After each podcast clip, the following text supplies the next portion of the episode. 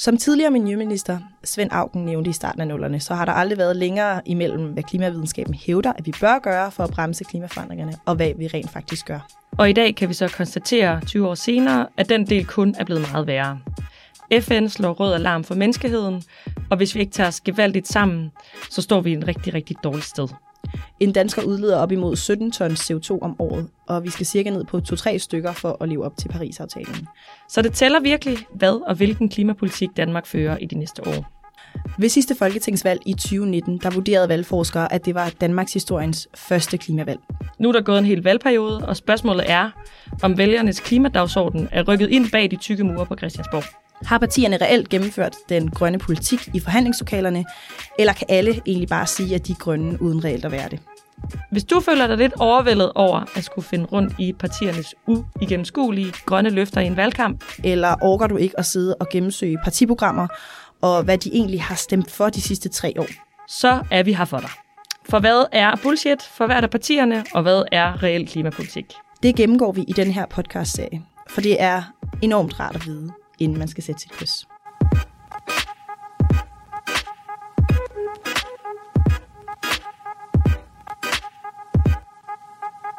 Så ruller vi. Mm. Hej med det. Hej Karoline. I dag er vi nået til øh, det store opsamlingsafsnit, hvor vi ligesom skal prøve at lave en bouillonterning af alle de andre afsnit, som man enten kan høre, hvis man har lyttet til alle de andre afsnit, og gerne ligesom vil have et opsummering af, hvordan var det lige landet lå, og man kan også lytte til det, hvis man ikke har lyttet til nogle af de andre afsnit, og bare her hurtigt inden valget skal prøve at danne sig et overblik over, hvem er det, jeg kan stemme på midt i en klimakrise. Valget øh, buller derud af, og øh, det vi har faktisk set både på mediernes optælling af, hvad for nogle ting, der er blevet skrevet mest om, så har klima været på top 1 ret vildt, selvom at der har været alle mulige andre skandaler. Og så samtidig så ved vi også, at øh, danskerne er sindssygt klar på, at klima skal være at noget, de skal tænke på, når de skal stemme. Mm. Den næste siddende folketing kommer til at være Jamen det vigtigste folketing, vi kommer til at vælge, i hvert fald i mit liv, tror jeg, ja. i dansk klimapolitik, fordi det er så afgørende frem mod 2025, at vi får reduceret vores udledninger i Danmark. Og der er det vigtigt at stemme på nogle partier, der rent faktisk også har noget substans i deres klimapolitik. Og jeg synes, efter de her hvad, 14 episoder, vi har lavet indtil videre, så er vi kommet ret godt ned i materien af, hvad er det for nogle partier, der egentlig er rigtig gode til at greenwash sig selv, men ikke har super meget indhold, og hvad er det for nogle, hvor man siger, okay, I har faktisk potentialet til at lede Danmark igennem en grøn omstilling. Præcis. Så skal vi ikke bare kaste os ud i det? Jo.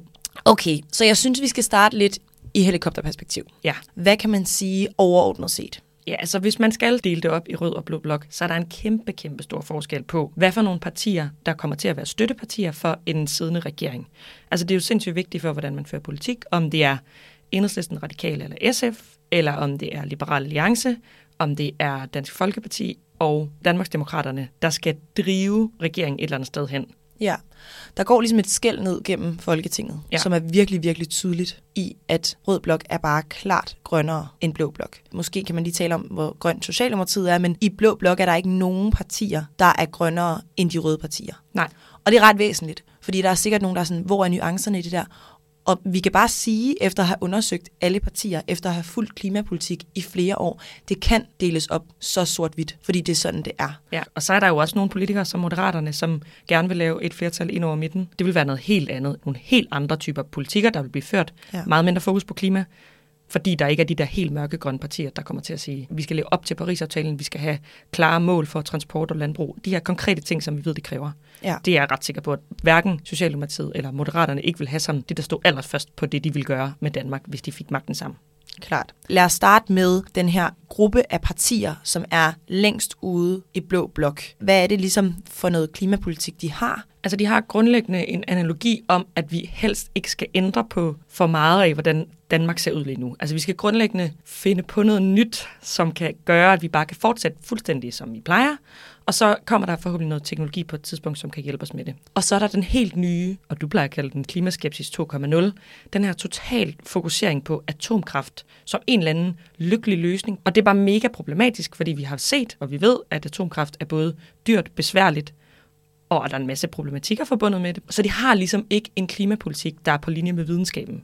Ja, og det er jo også ude på den yderste højrefløj der, med partier som Danmarksdemokraterne, Nyborgerlige, DF, Liberal Alliance, hvor vi hører de her paroler om, at Danmark står kun for 0,1 procent af udledningerne, hvilket oversat betyder, at Danmark skal ikke gøre super meget. Det er også de her partier, der siger, det danske landbrug er nogle klimahelte, på trods af, at det er der ikke belæg for i videnskaben. Det er dem, der bliver ved med at sige sådan, åh, det skal ikke være dyrt og surt at være dansker, vi skal ikke beskatte de her CO2-udledninger, som vi ved er skadeligt for vores samfund, vi skal blive ved med at producere klimaskadeligt i vores land, og sådan nogle her ting. Det er jo faktisk ikke kun antividenskabelig politik, det er jo også bare ikke klimapolitik, ikke? Eller sådan, ja, det, det er det modsatte. Jeg ved ikke, hvad, hvad det modsatte af klimapolitik er, men det er jo sådan en eller anden form for bevarende politik, som gør, at Danmark ikke bevæger sig ind i den grønne omstilling. At man siger, den grønne omstilling ønsker vi ikke i Danmark.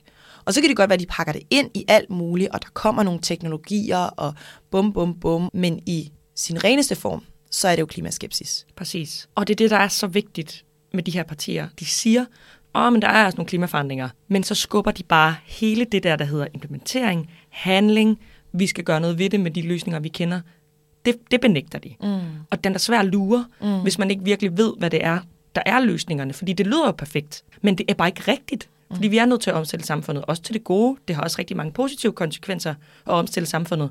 Men deres løsninger er ikke en omstilling, det er bare en udskydelse. Ja, og det er jo ikke overraskende, når man kigger på de her partiers historik, vel? Fordi rigtig mange af dem har rødder og har historie i den traditionelle klimaskepsis, som handlede om, at klimaforandringerne er ikke menneskeskabte. Og nu har de så bare udviklet sig, ikke? Altså sådan, de har fundet ud af, okay, men det kan vi ikke blive ved med at bilde folk ind, så nu begynder vi bare at bilde folk ind, at atomkraft er løsningen, eller umodne teknologi er løsningen, eller forskning er løsningen. Så vi giver dem nogle ikke-løsninger, i stedet for at sige, at klimaforandringer ikke er rigtige.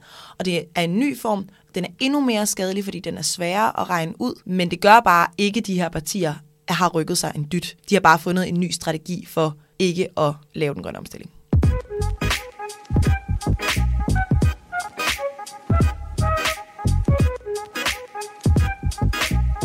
Vi har jo også nogle traditionelle magtpartier i det her land. Ja. Vi har både Venstre, og vi har Socialdemokratiet, som typisk er dem, der sidder på øh, statsministerposten og har gjort det de sidste rigtig, rigtig mange år. Vi har også fået konservativ lidt med, og det vil man også kunne, kunne karakterisere som en magtparti, og har jo også øh, længe under valgkampen stået til måske at være statsministerkandidater på Blå Blok. Ikke? Mm. De kæmper om at få statsministerposten, og det er ret væsentligt, for der er nogle ret store klimapolitiske forskelle på de her tre partier. Men man kan sige overordnet set, hvis man skal sådan tage dem over en bred kamp til at starte med, så nuancerer vi bagefter.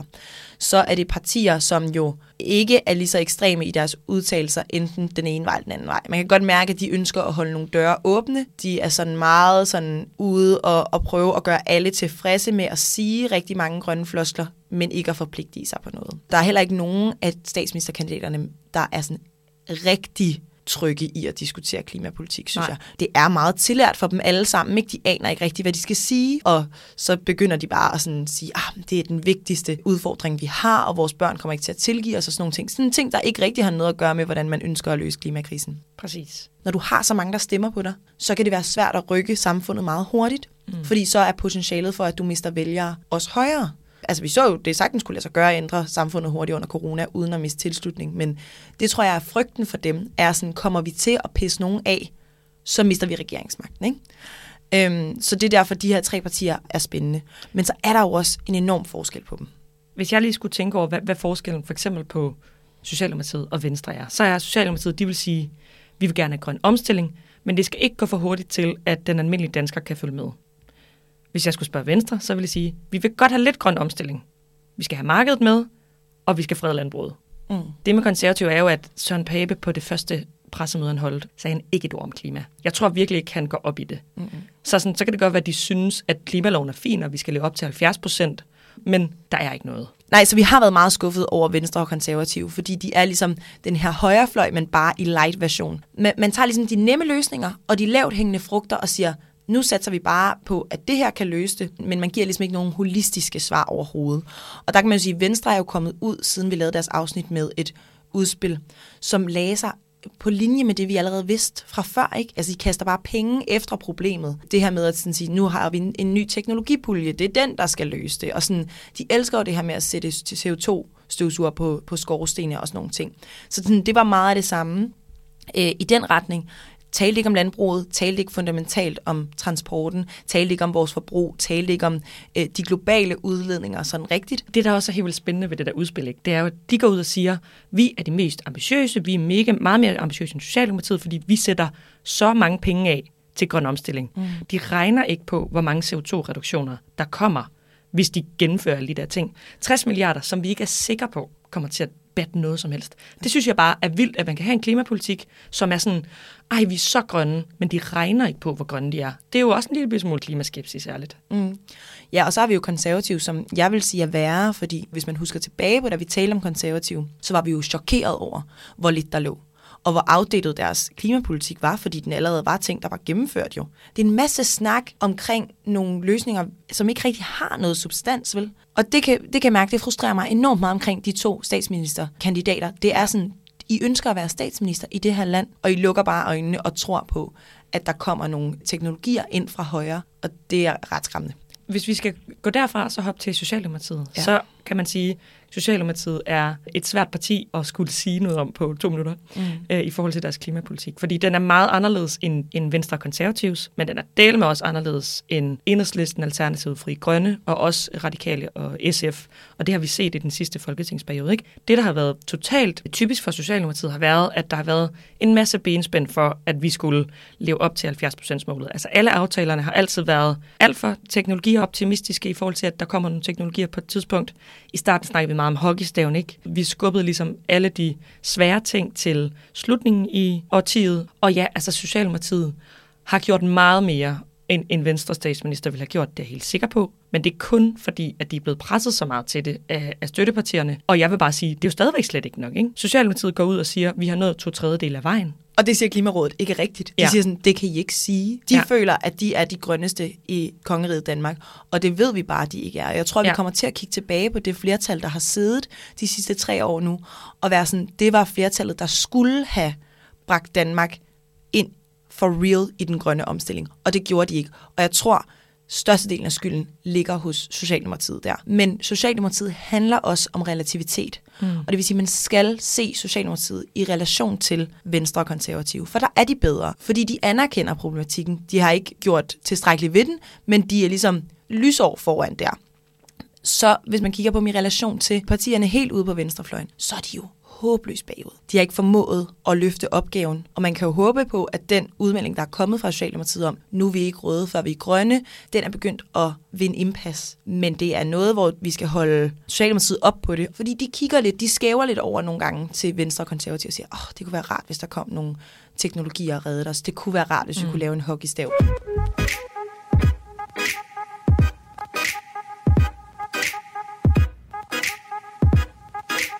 Socialdemokratiet alene er nok ikke dem, der kommer til at bringe den her dagsorden i mål. Og det er også ja. derfor, det er vigtigt, at de har nogle stærke støttepartier.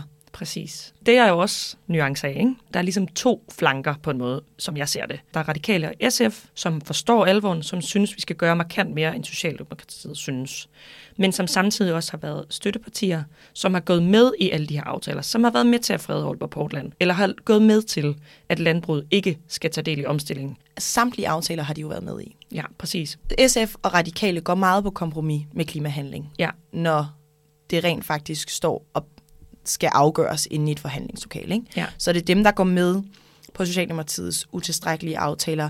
Det er dem, der ikke siger, hey, hertil er ikke længere. Der er ikke så mange røde linjer hos de to partier. Og det kan man sige, det har vi været enormt skuffet over, også i den her valgperiode, fordi vi har været sådan, det er jer, der kan være med til at afgøre, hvad Socialdemokratiet skal gøre. Det er jer, der ligesom er parlamentarisk grundlag. Det er jer, der kan sige, at det her det er ikke godt nok, hvor det rent faktisk batter noget. Præcis. Og der kan man jo håbe, at de har lært noget af de tre år, hvor de er kommet til at gå med i for mange ting, og er kommet til at gå for meget på kompromis, og siger, nu skal vi altså tættere på det, vi mener. Vi kan ikke gå på kompromis politisk på samme måde som med andre ting, når det kommer til klimakrisen, fordi det kommer til at fjerne livsgrundlaget under os. Det kan vi simpelthen ikke blive ved med at sige, fair nok. Den tredje bedste løsning er også fin. Vi skal nok gå med, og vi sætter ikke nogen krav. Præcis. Stil nogle krav. Forhandle bedre, end det I har gjort de sidste tre år. Præcis. Så kan vi gå videre til enhedslisten, som jo netop har stillet nogle meget konkrete krav. Når de er gået med i noget, f.eks. landbrugsaftalen, som er for mig at se virkelig var dårlig, øh, så siger de, det er en rigtig dårlig aftale. Vi sidder kun med, fordi at vi skal være med til at genforhandle den om et år. Så bliver den forhåbentlig lidt bedre.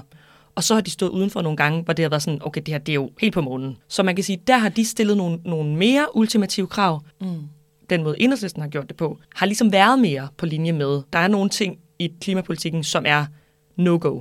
Ja. Og der har, de, der har de stillet sig mere udenfor, end Radikale og SF har gjort. Mm-hmm. De har været garant for nogle ting, som de andre støttepartier har svigtet på. De sidste tre år har jo været klimapolitisk meget skuffende, fordi vi har slet ikke fået det, vi gerne vil have. Mm. Og der kan man sige, der har enhedslisten jo også stadigvæk siddet som parlamentarisk grundlag. De der ultimative krav, der er blevet stillet, har været på røde, traditionelle røde dagsordner. Hvis man skulle kritisere enhedslisten for noget, så skulle det måske være, at sådan, klimakrisen fylder meget for dem, men er det det allervigtigste? Det synes jeg ikke helt, jeg kan greje. Der er ikke den her sådan indgroede forståelse i enhedslisten om, at klimapolitik er alt politik. Nej. Det kan man ikke mærke. Nej. Men et parti, hvor klimapolitik er alt politik. Der er jo to på nuværende tidspunkt, ikke? Ja. Så der er Fri Grønne, og så er der Alternativet. To meget forskellige partier, sådan i hvordan de går til politik, ja. men hvor politikken er meget indrettet efter, hvad er det, klimavidenskaben fortæller os, vi skal. Så hvis man starter med Fri Grønne, så er det jo et afhopperparti af Alternativet. Jeg synes ikke, at politikken er sådan meget anderledes, men de har en anden måde at gå til politik på. De er lidt mere et protestparti, der siger, det er ligesom det her, der er tilstrækkeligt, og alt under det er ikke godt nok. Vi ønsker ikke at samarbejde om det. Det er også nogle partier, som så netop hvad kan man sige, stiller nogle krav, der er sådan meget konfrontatoriske. Ikke? De arbejder for at lukke Aalborg Portland. De arbejder for at reducere den animalske produktion med 95 procent. Så kan man sige, så er der mange ting i nogle af deres forslag, hvor de glemmer mellemregningerne.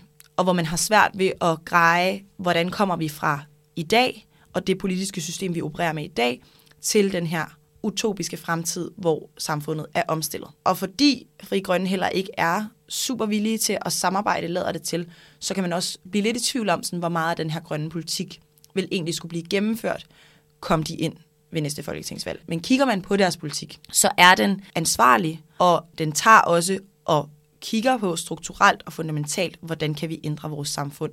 Og det er meget inspirerende at få lov til at se, hvordan sådan noget kan se ud i politik, der er øh, helt sikkert masser at komme efter af forskellige rigtig gode forslag i Fri Grønnes politik. Så hvis vi skal gå videre til Alternativet, mm-hmm. som jo er et helt andet parti i, i den forståelse af, sådan, af politik, af i hvordan man forhandler, som har en, en grundlæggende anden tilgang til politik, end Fri Grønne har, kom jo ind med et brag, fordi jeg tror, at danskerne var klar på et rigtigt klimaparti på den måde. Mm. Så har de været igennem nogle lidt svære år, men det, man kan sige om Alternativet, er jo, at de har været så gode til at tænke klima strukturelt. Og på trods af Alternativets meget beskidende størrelse, har de også haft en enorm indflydelse på dansk politik. Så de har været med til at gøre alle de andre partier grønnere meget kado til Alternativet for det. Det var dem, der introducerede 70% målsætningen way back in the day, som vi nu har, og som vi kigger på som en ledestjerne for vores klimaindsats. Og jeg tror også, det er væsentligt at nævne, og det ved vi jo nu med de tal, vi, vi kigger på i meningsmålingerne, det er jo, at Øh, alternativet er afgørende for en rød sejr. Kommer de over de 2%, så kan, hvad kan man sige, vægtskålen ligesom tilte over mod rød blok. Og det er jo rigtig fornuftigt set med klimabriller på, fordi det er de partier derover, som vi kunne løfte os længere end partierne i Blå Blok. Og der spiller Alternativet nu en kernerolle. Og, øh, og det er derfor, de også bliver helt vildt vigtige i den her valgkamp, og måske endnu vigtigere, end de har været de sidste par gange.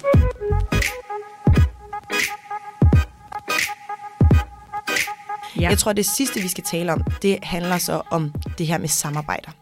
Altså, det er jo virkelig væsentligt at sige, at det handler om at tælle til 90. Det handler om, at dem, der har et flertal, er dem, der fører politikken. Det er jo ikke sådan, at du stemmer på en politiker, og så bestemmer de alt, hvad der skal ske i det danske samfund de næste 3-4 år. Og hvis man stemmer på for eksempel Moderaterne eller Venstre, så stemmer man jo også på, at for eksempel Danmarks Demokraterne, at for eksempel Liberal Alliance, som jo er klimaskeptiske i deres politikforslag.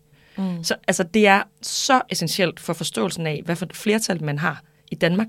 Altså Blå Blok kommer til at skulle bygge på et flertal af nogen, som for eksempel vil nogle af dem vil sikkert rulle klimaloven tilbage, som ikke vil gøre, at vi skulle leve op til 70% målet længere. Og det er ret afgørende at vide, at deres støttepartier, deres parlamentariske grundlag, er funderet i klimaskepsis det er Danmarksdemokraterne, det er Nye Borgerlige, det er potentielt DF, det er potentielt Liberal Alliance. Det er altså nogle mennesker, som ikke vil klima. De har lige været ude, alle de her blå partier og Venstre Konservative med den her valgvideo om, hvad de vil gøre ved Danmark.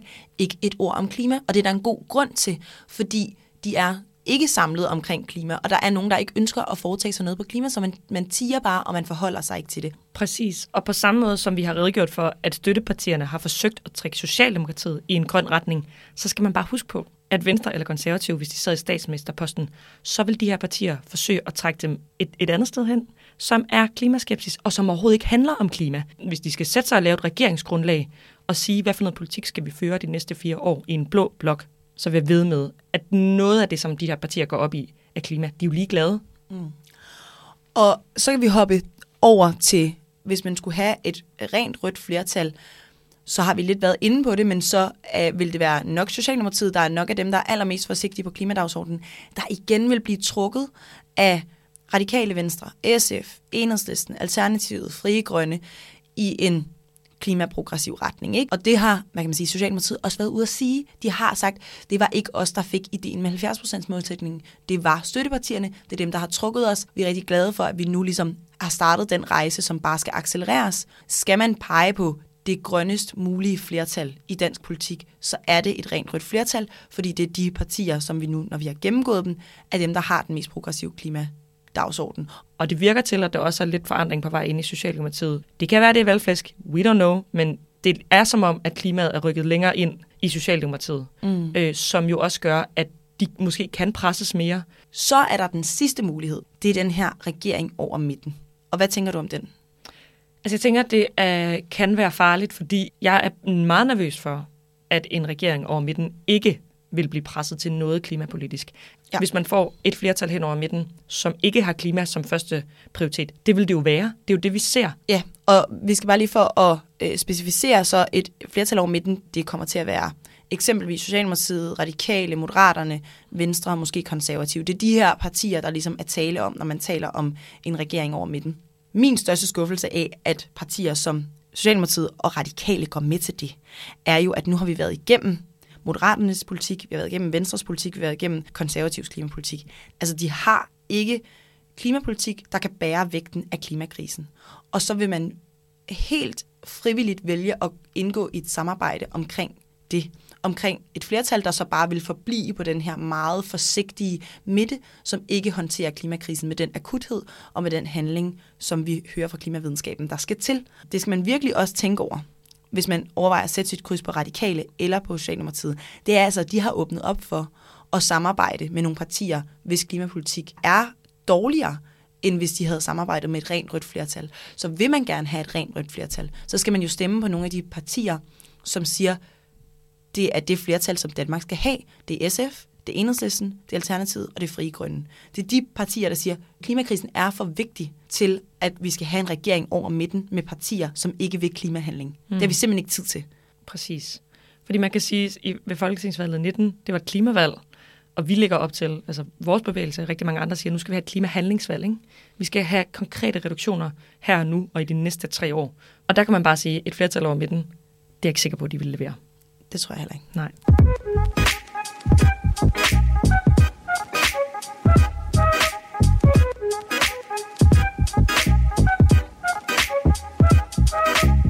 Det var egentlig den opsamling, som vi ligesom har stykket sammen til jer. Vi håber virkelig, at I er blevet klogere og føler jer klædt på til at kunne gå ned og sætte et kryds et sted, hvor I kan mærke, der er ro i maven omkring det, hvis man stemmer øh, baseret på klima. Præcis. Og så en opfordring til, der er magt ude i de små, blandt vores venner, blandt vores familie, hvor man faktisk kan sige, det er virkelig vigtigt for mig, at du stemmer grønt. Mm. At du stemmer på et parti, som kan fikse den største krise i menneskehistorien. Så vigtigt at gå ud med det, og gå ud med den klimabekymring, man har, og tage samtalen, fordi det er på den måde, vi formår at rykke de afgørende stemmer i en grøn retning, som kan være med til at afgøre det her valg. Præcis. Der er mange ting, man kan gøre i den her valgkamp, sådan i det helt små, som kan være med til at lave nogle enorme bølger. Noget andet er, der kommer til at være klimamarscher den sidste søndag inden valget, det vil sige søndag den 30. for de fleste steder i landet. Det hedder Folkets Klimamarsch, og det har også været der de andre gange, der har været valg, og det gør en enorm forskel. Det gør, at politikerne og partierne kan se, at det her det er en vigtig dagsorden. Så gå ind og find Folkets Klimamarsch på Facebook. Gå ind og inviter alle, man kender, til at sige, det her skal vi møde op til, fordi folkeligt pres virker. Ja. Og det gør, at lige meget hvem, der ender med at være i regeringskontorene, så ved de, at der er en befolkning, der kigger dem over skuldrene og siger, den der klimakrise, den skal håndteres. Præcis. Fedt. Så på den note. Ja, på den note. Tak for nu. Vi ses. Ja. Yeah.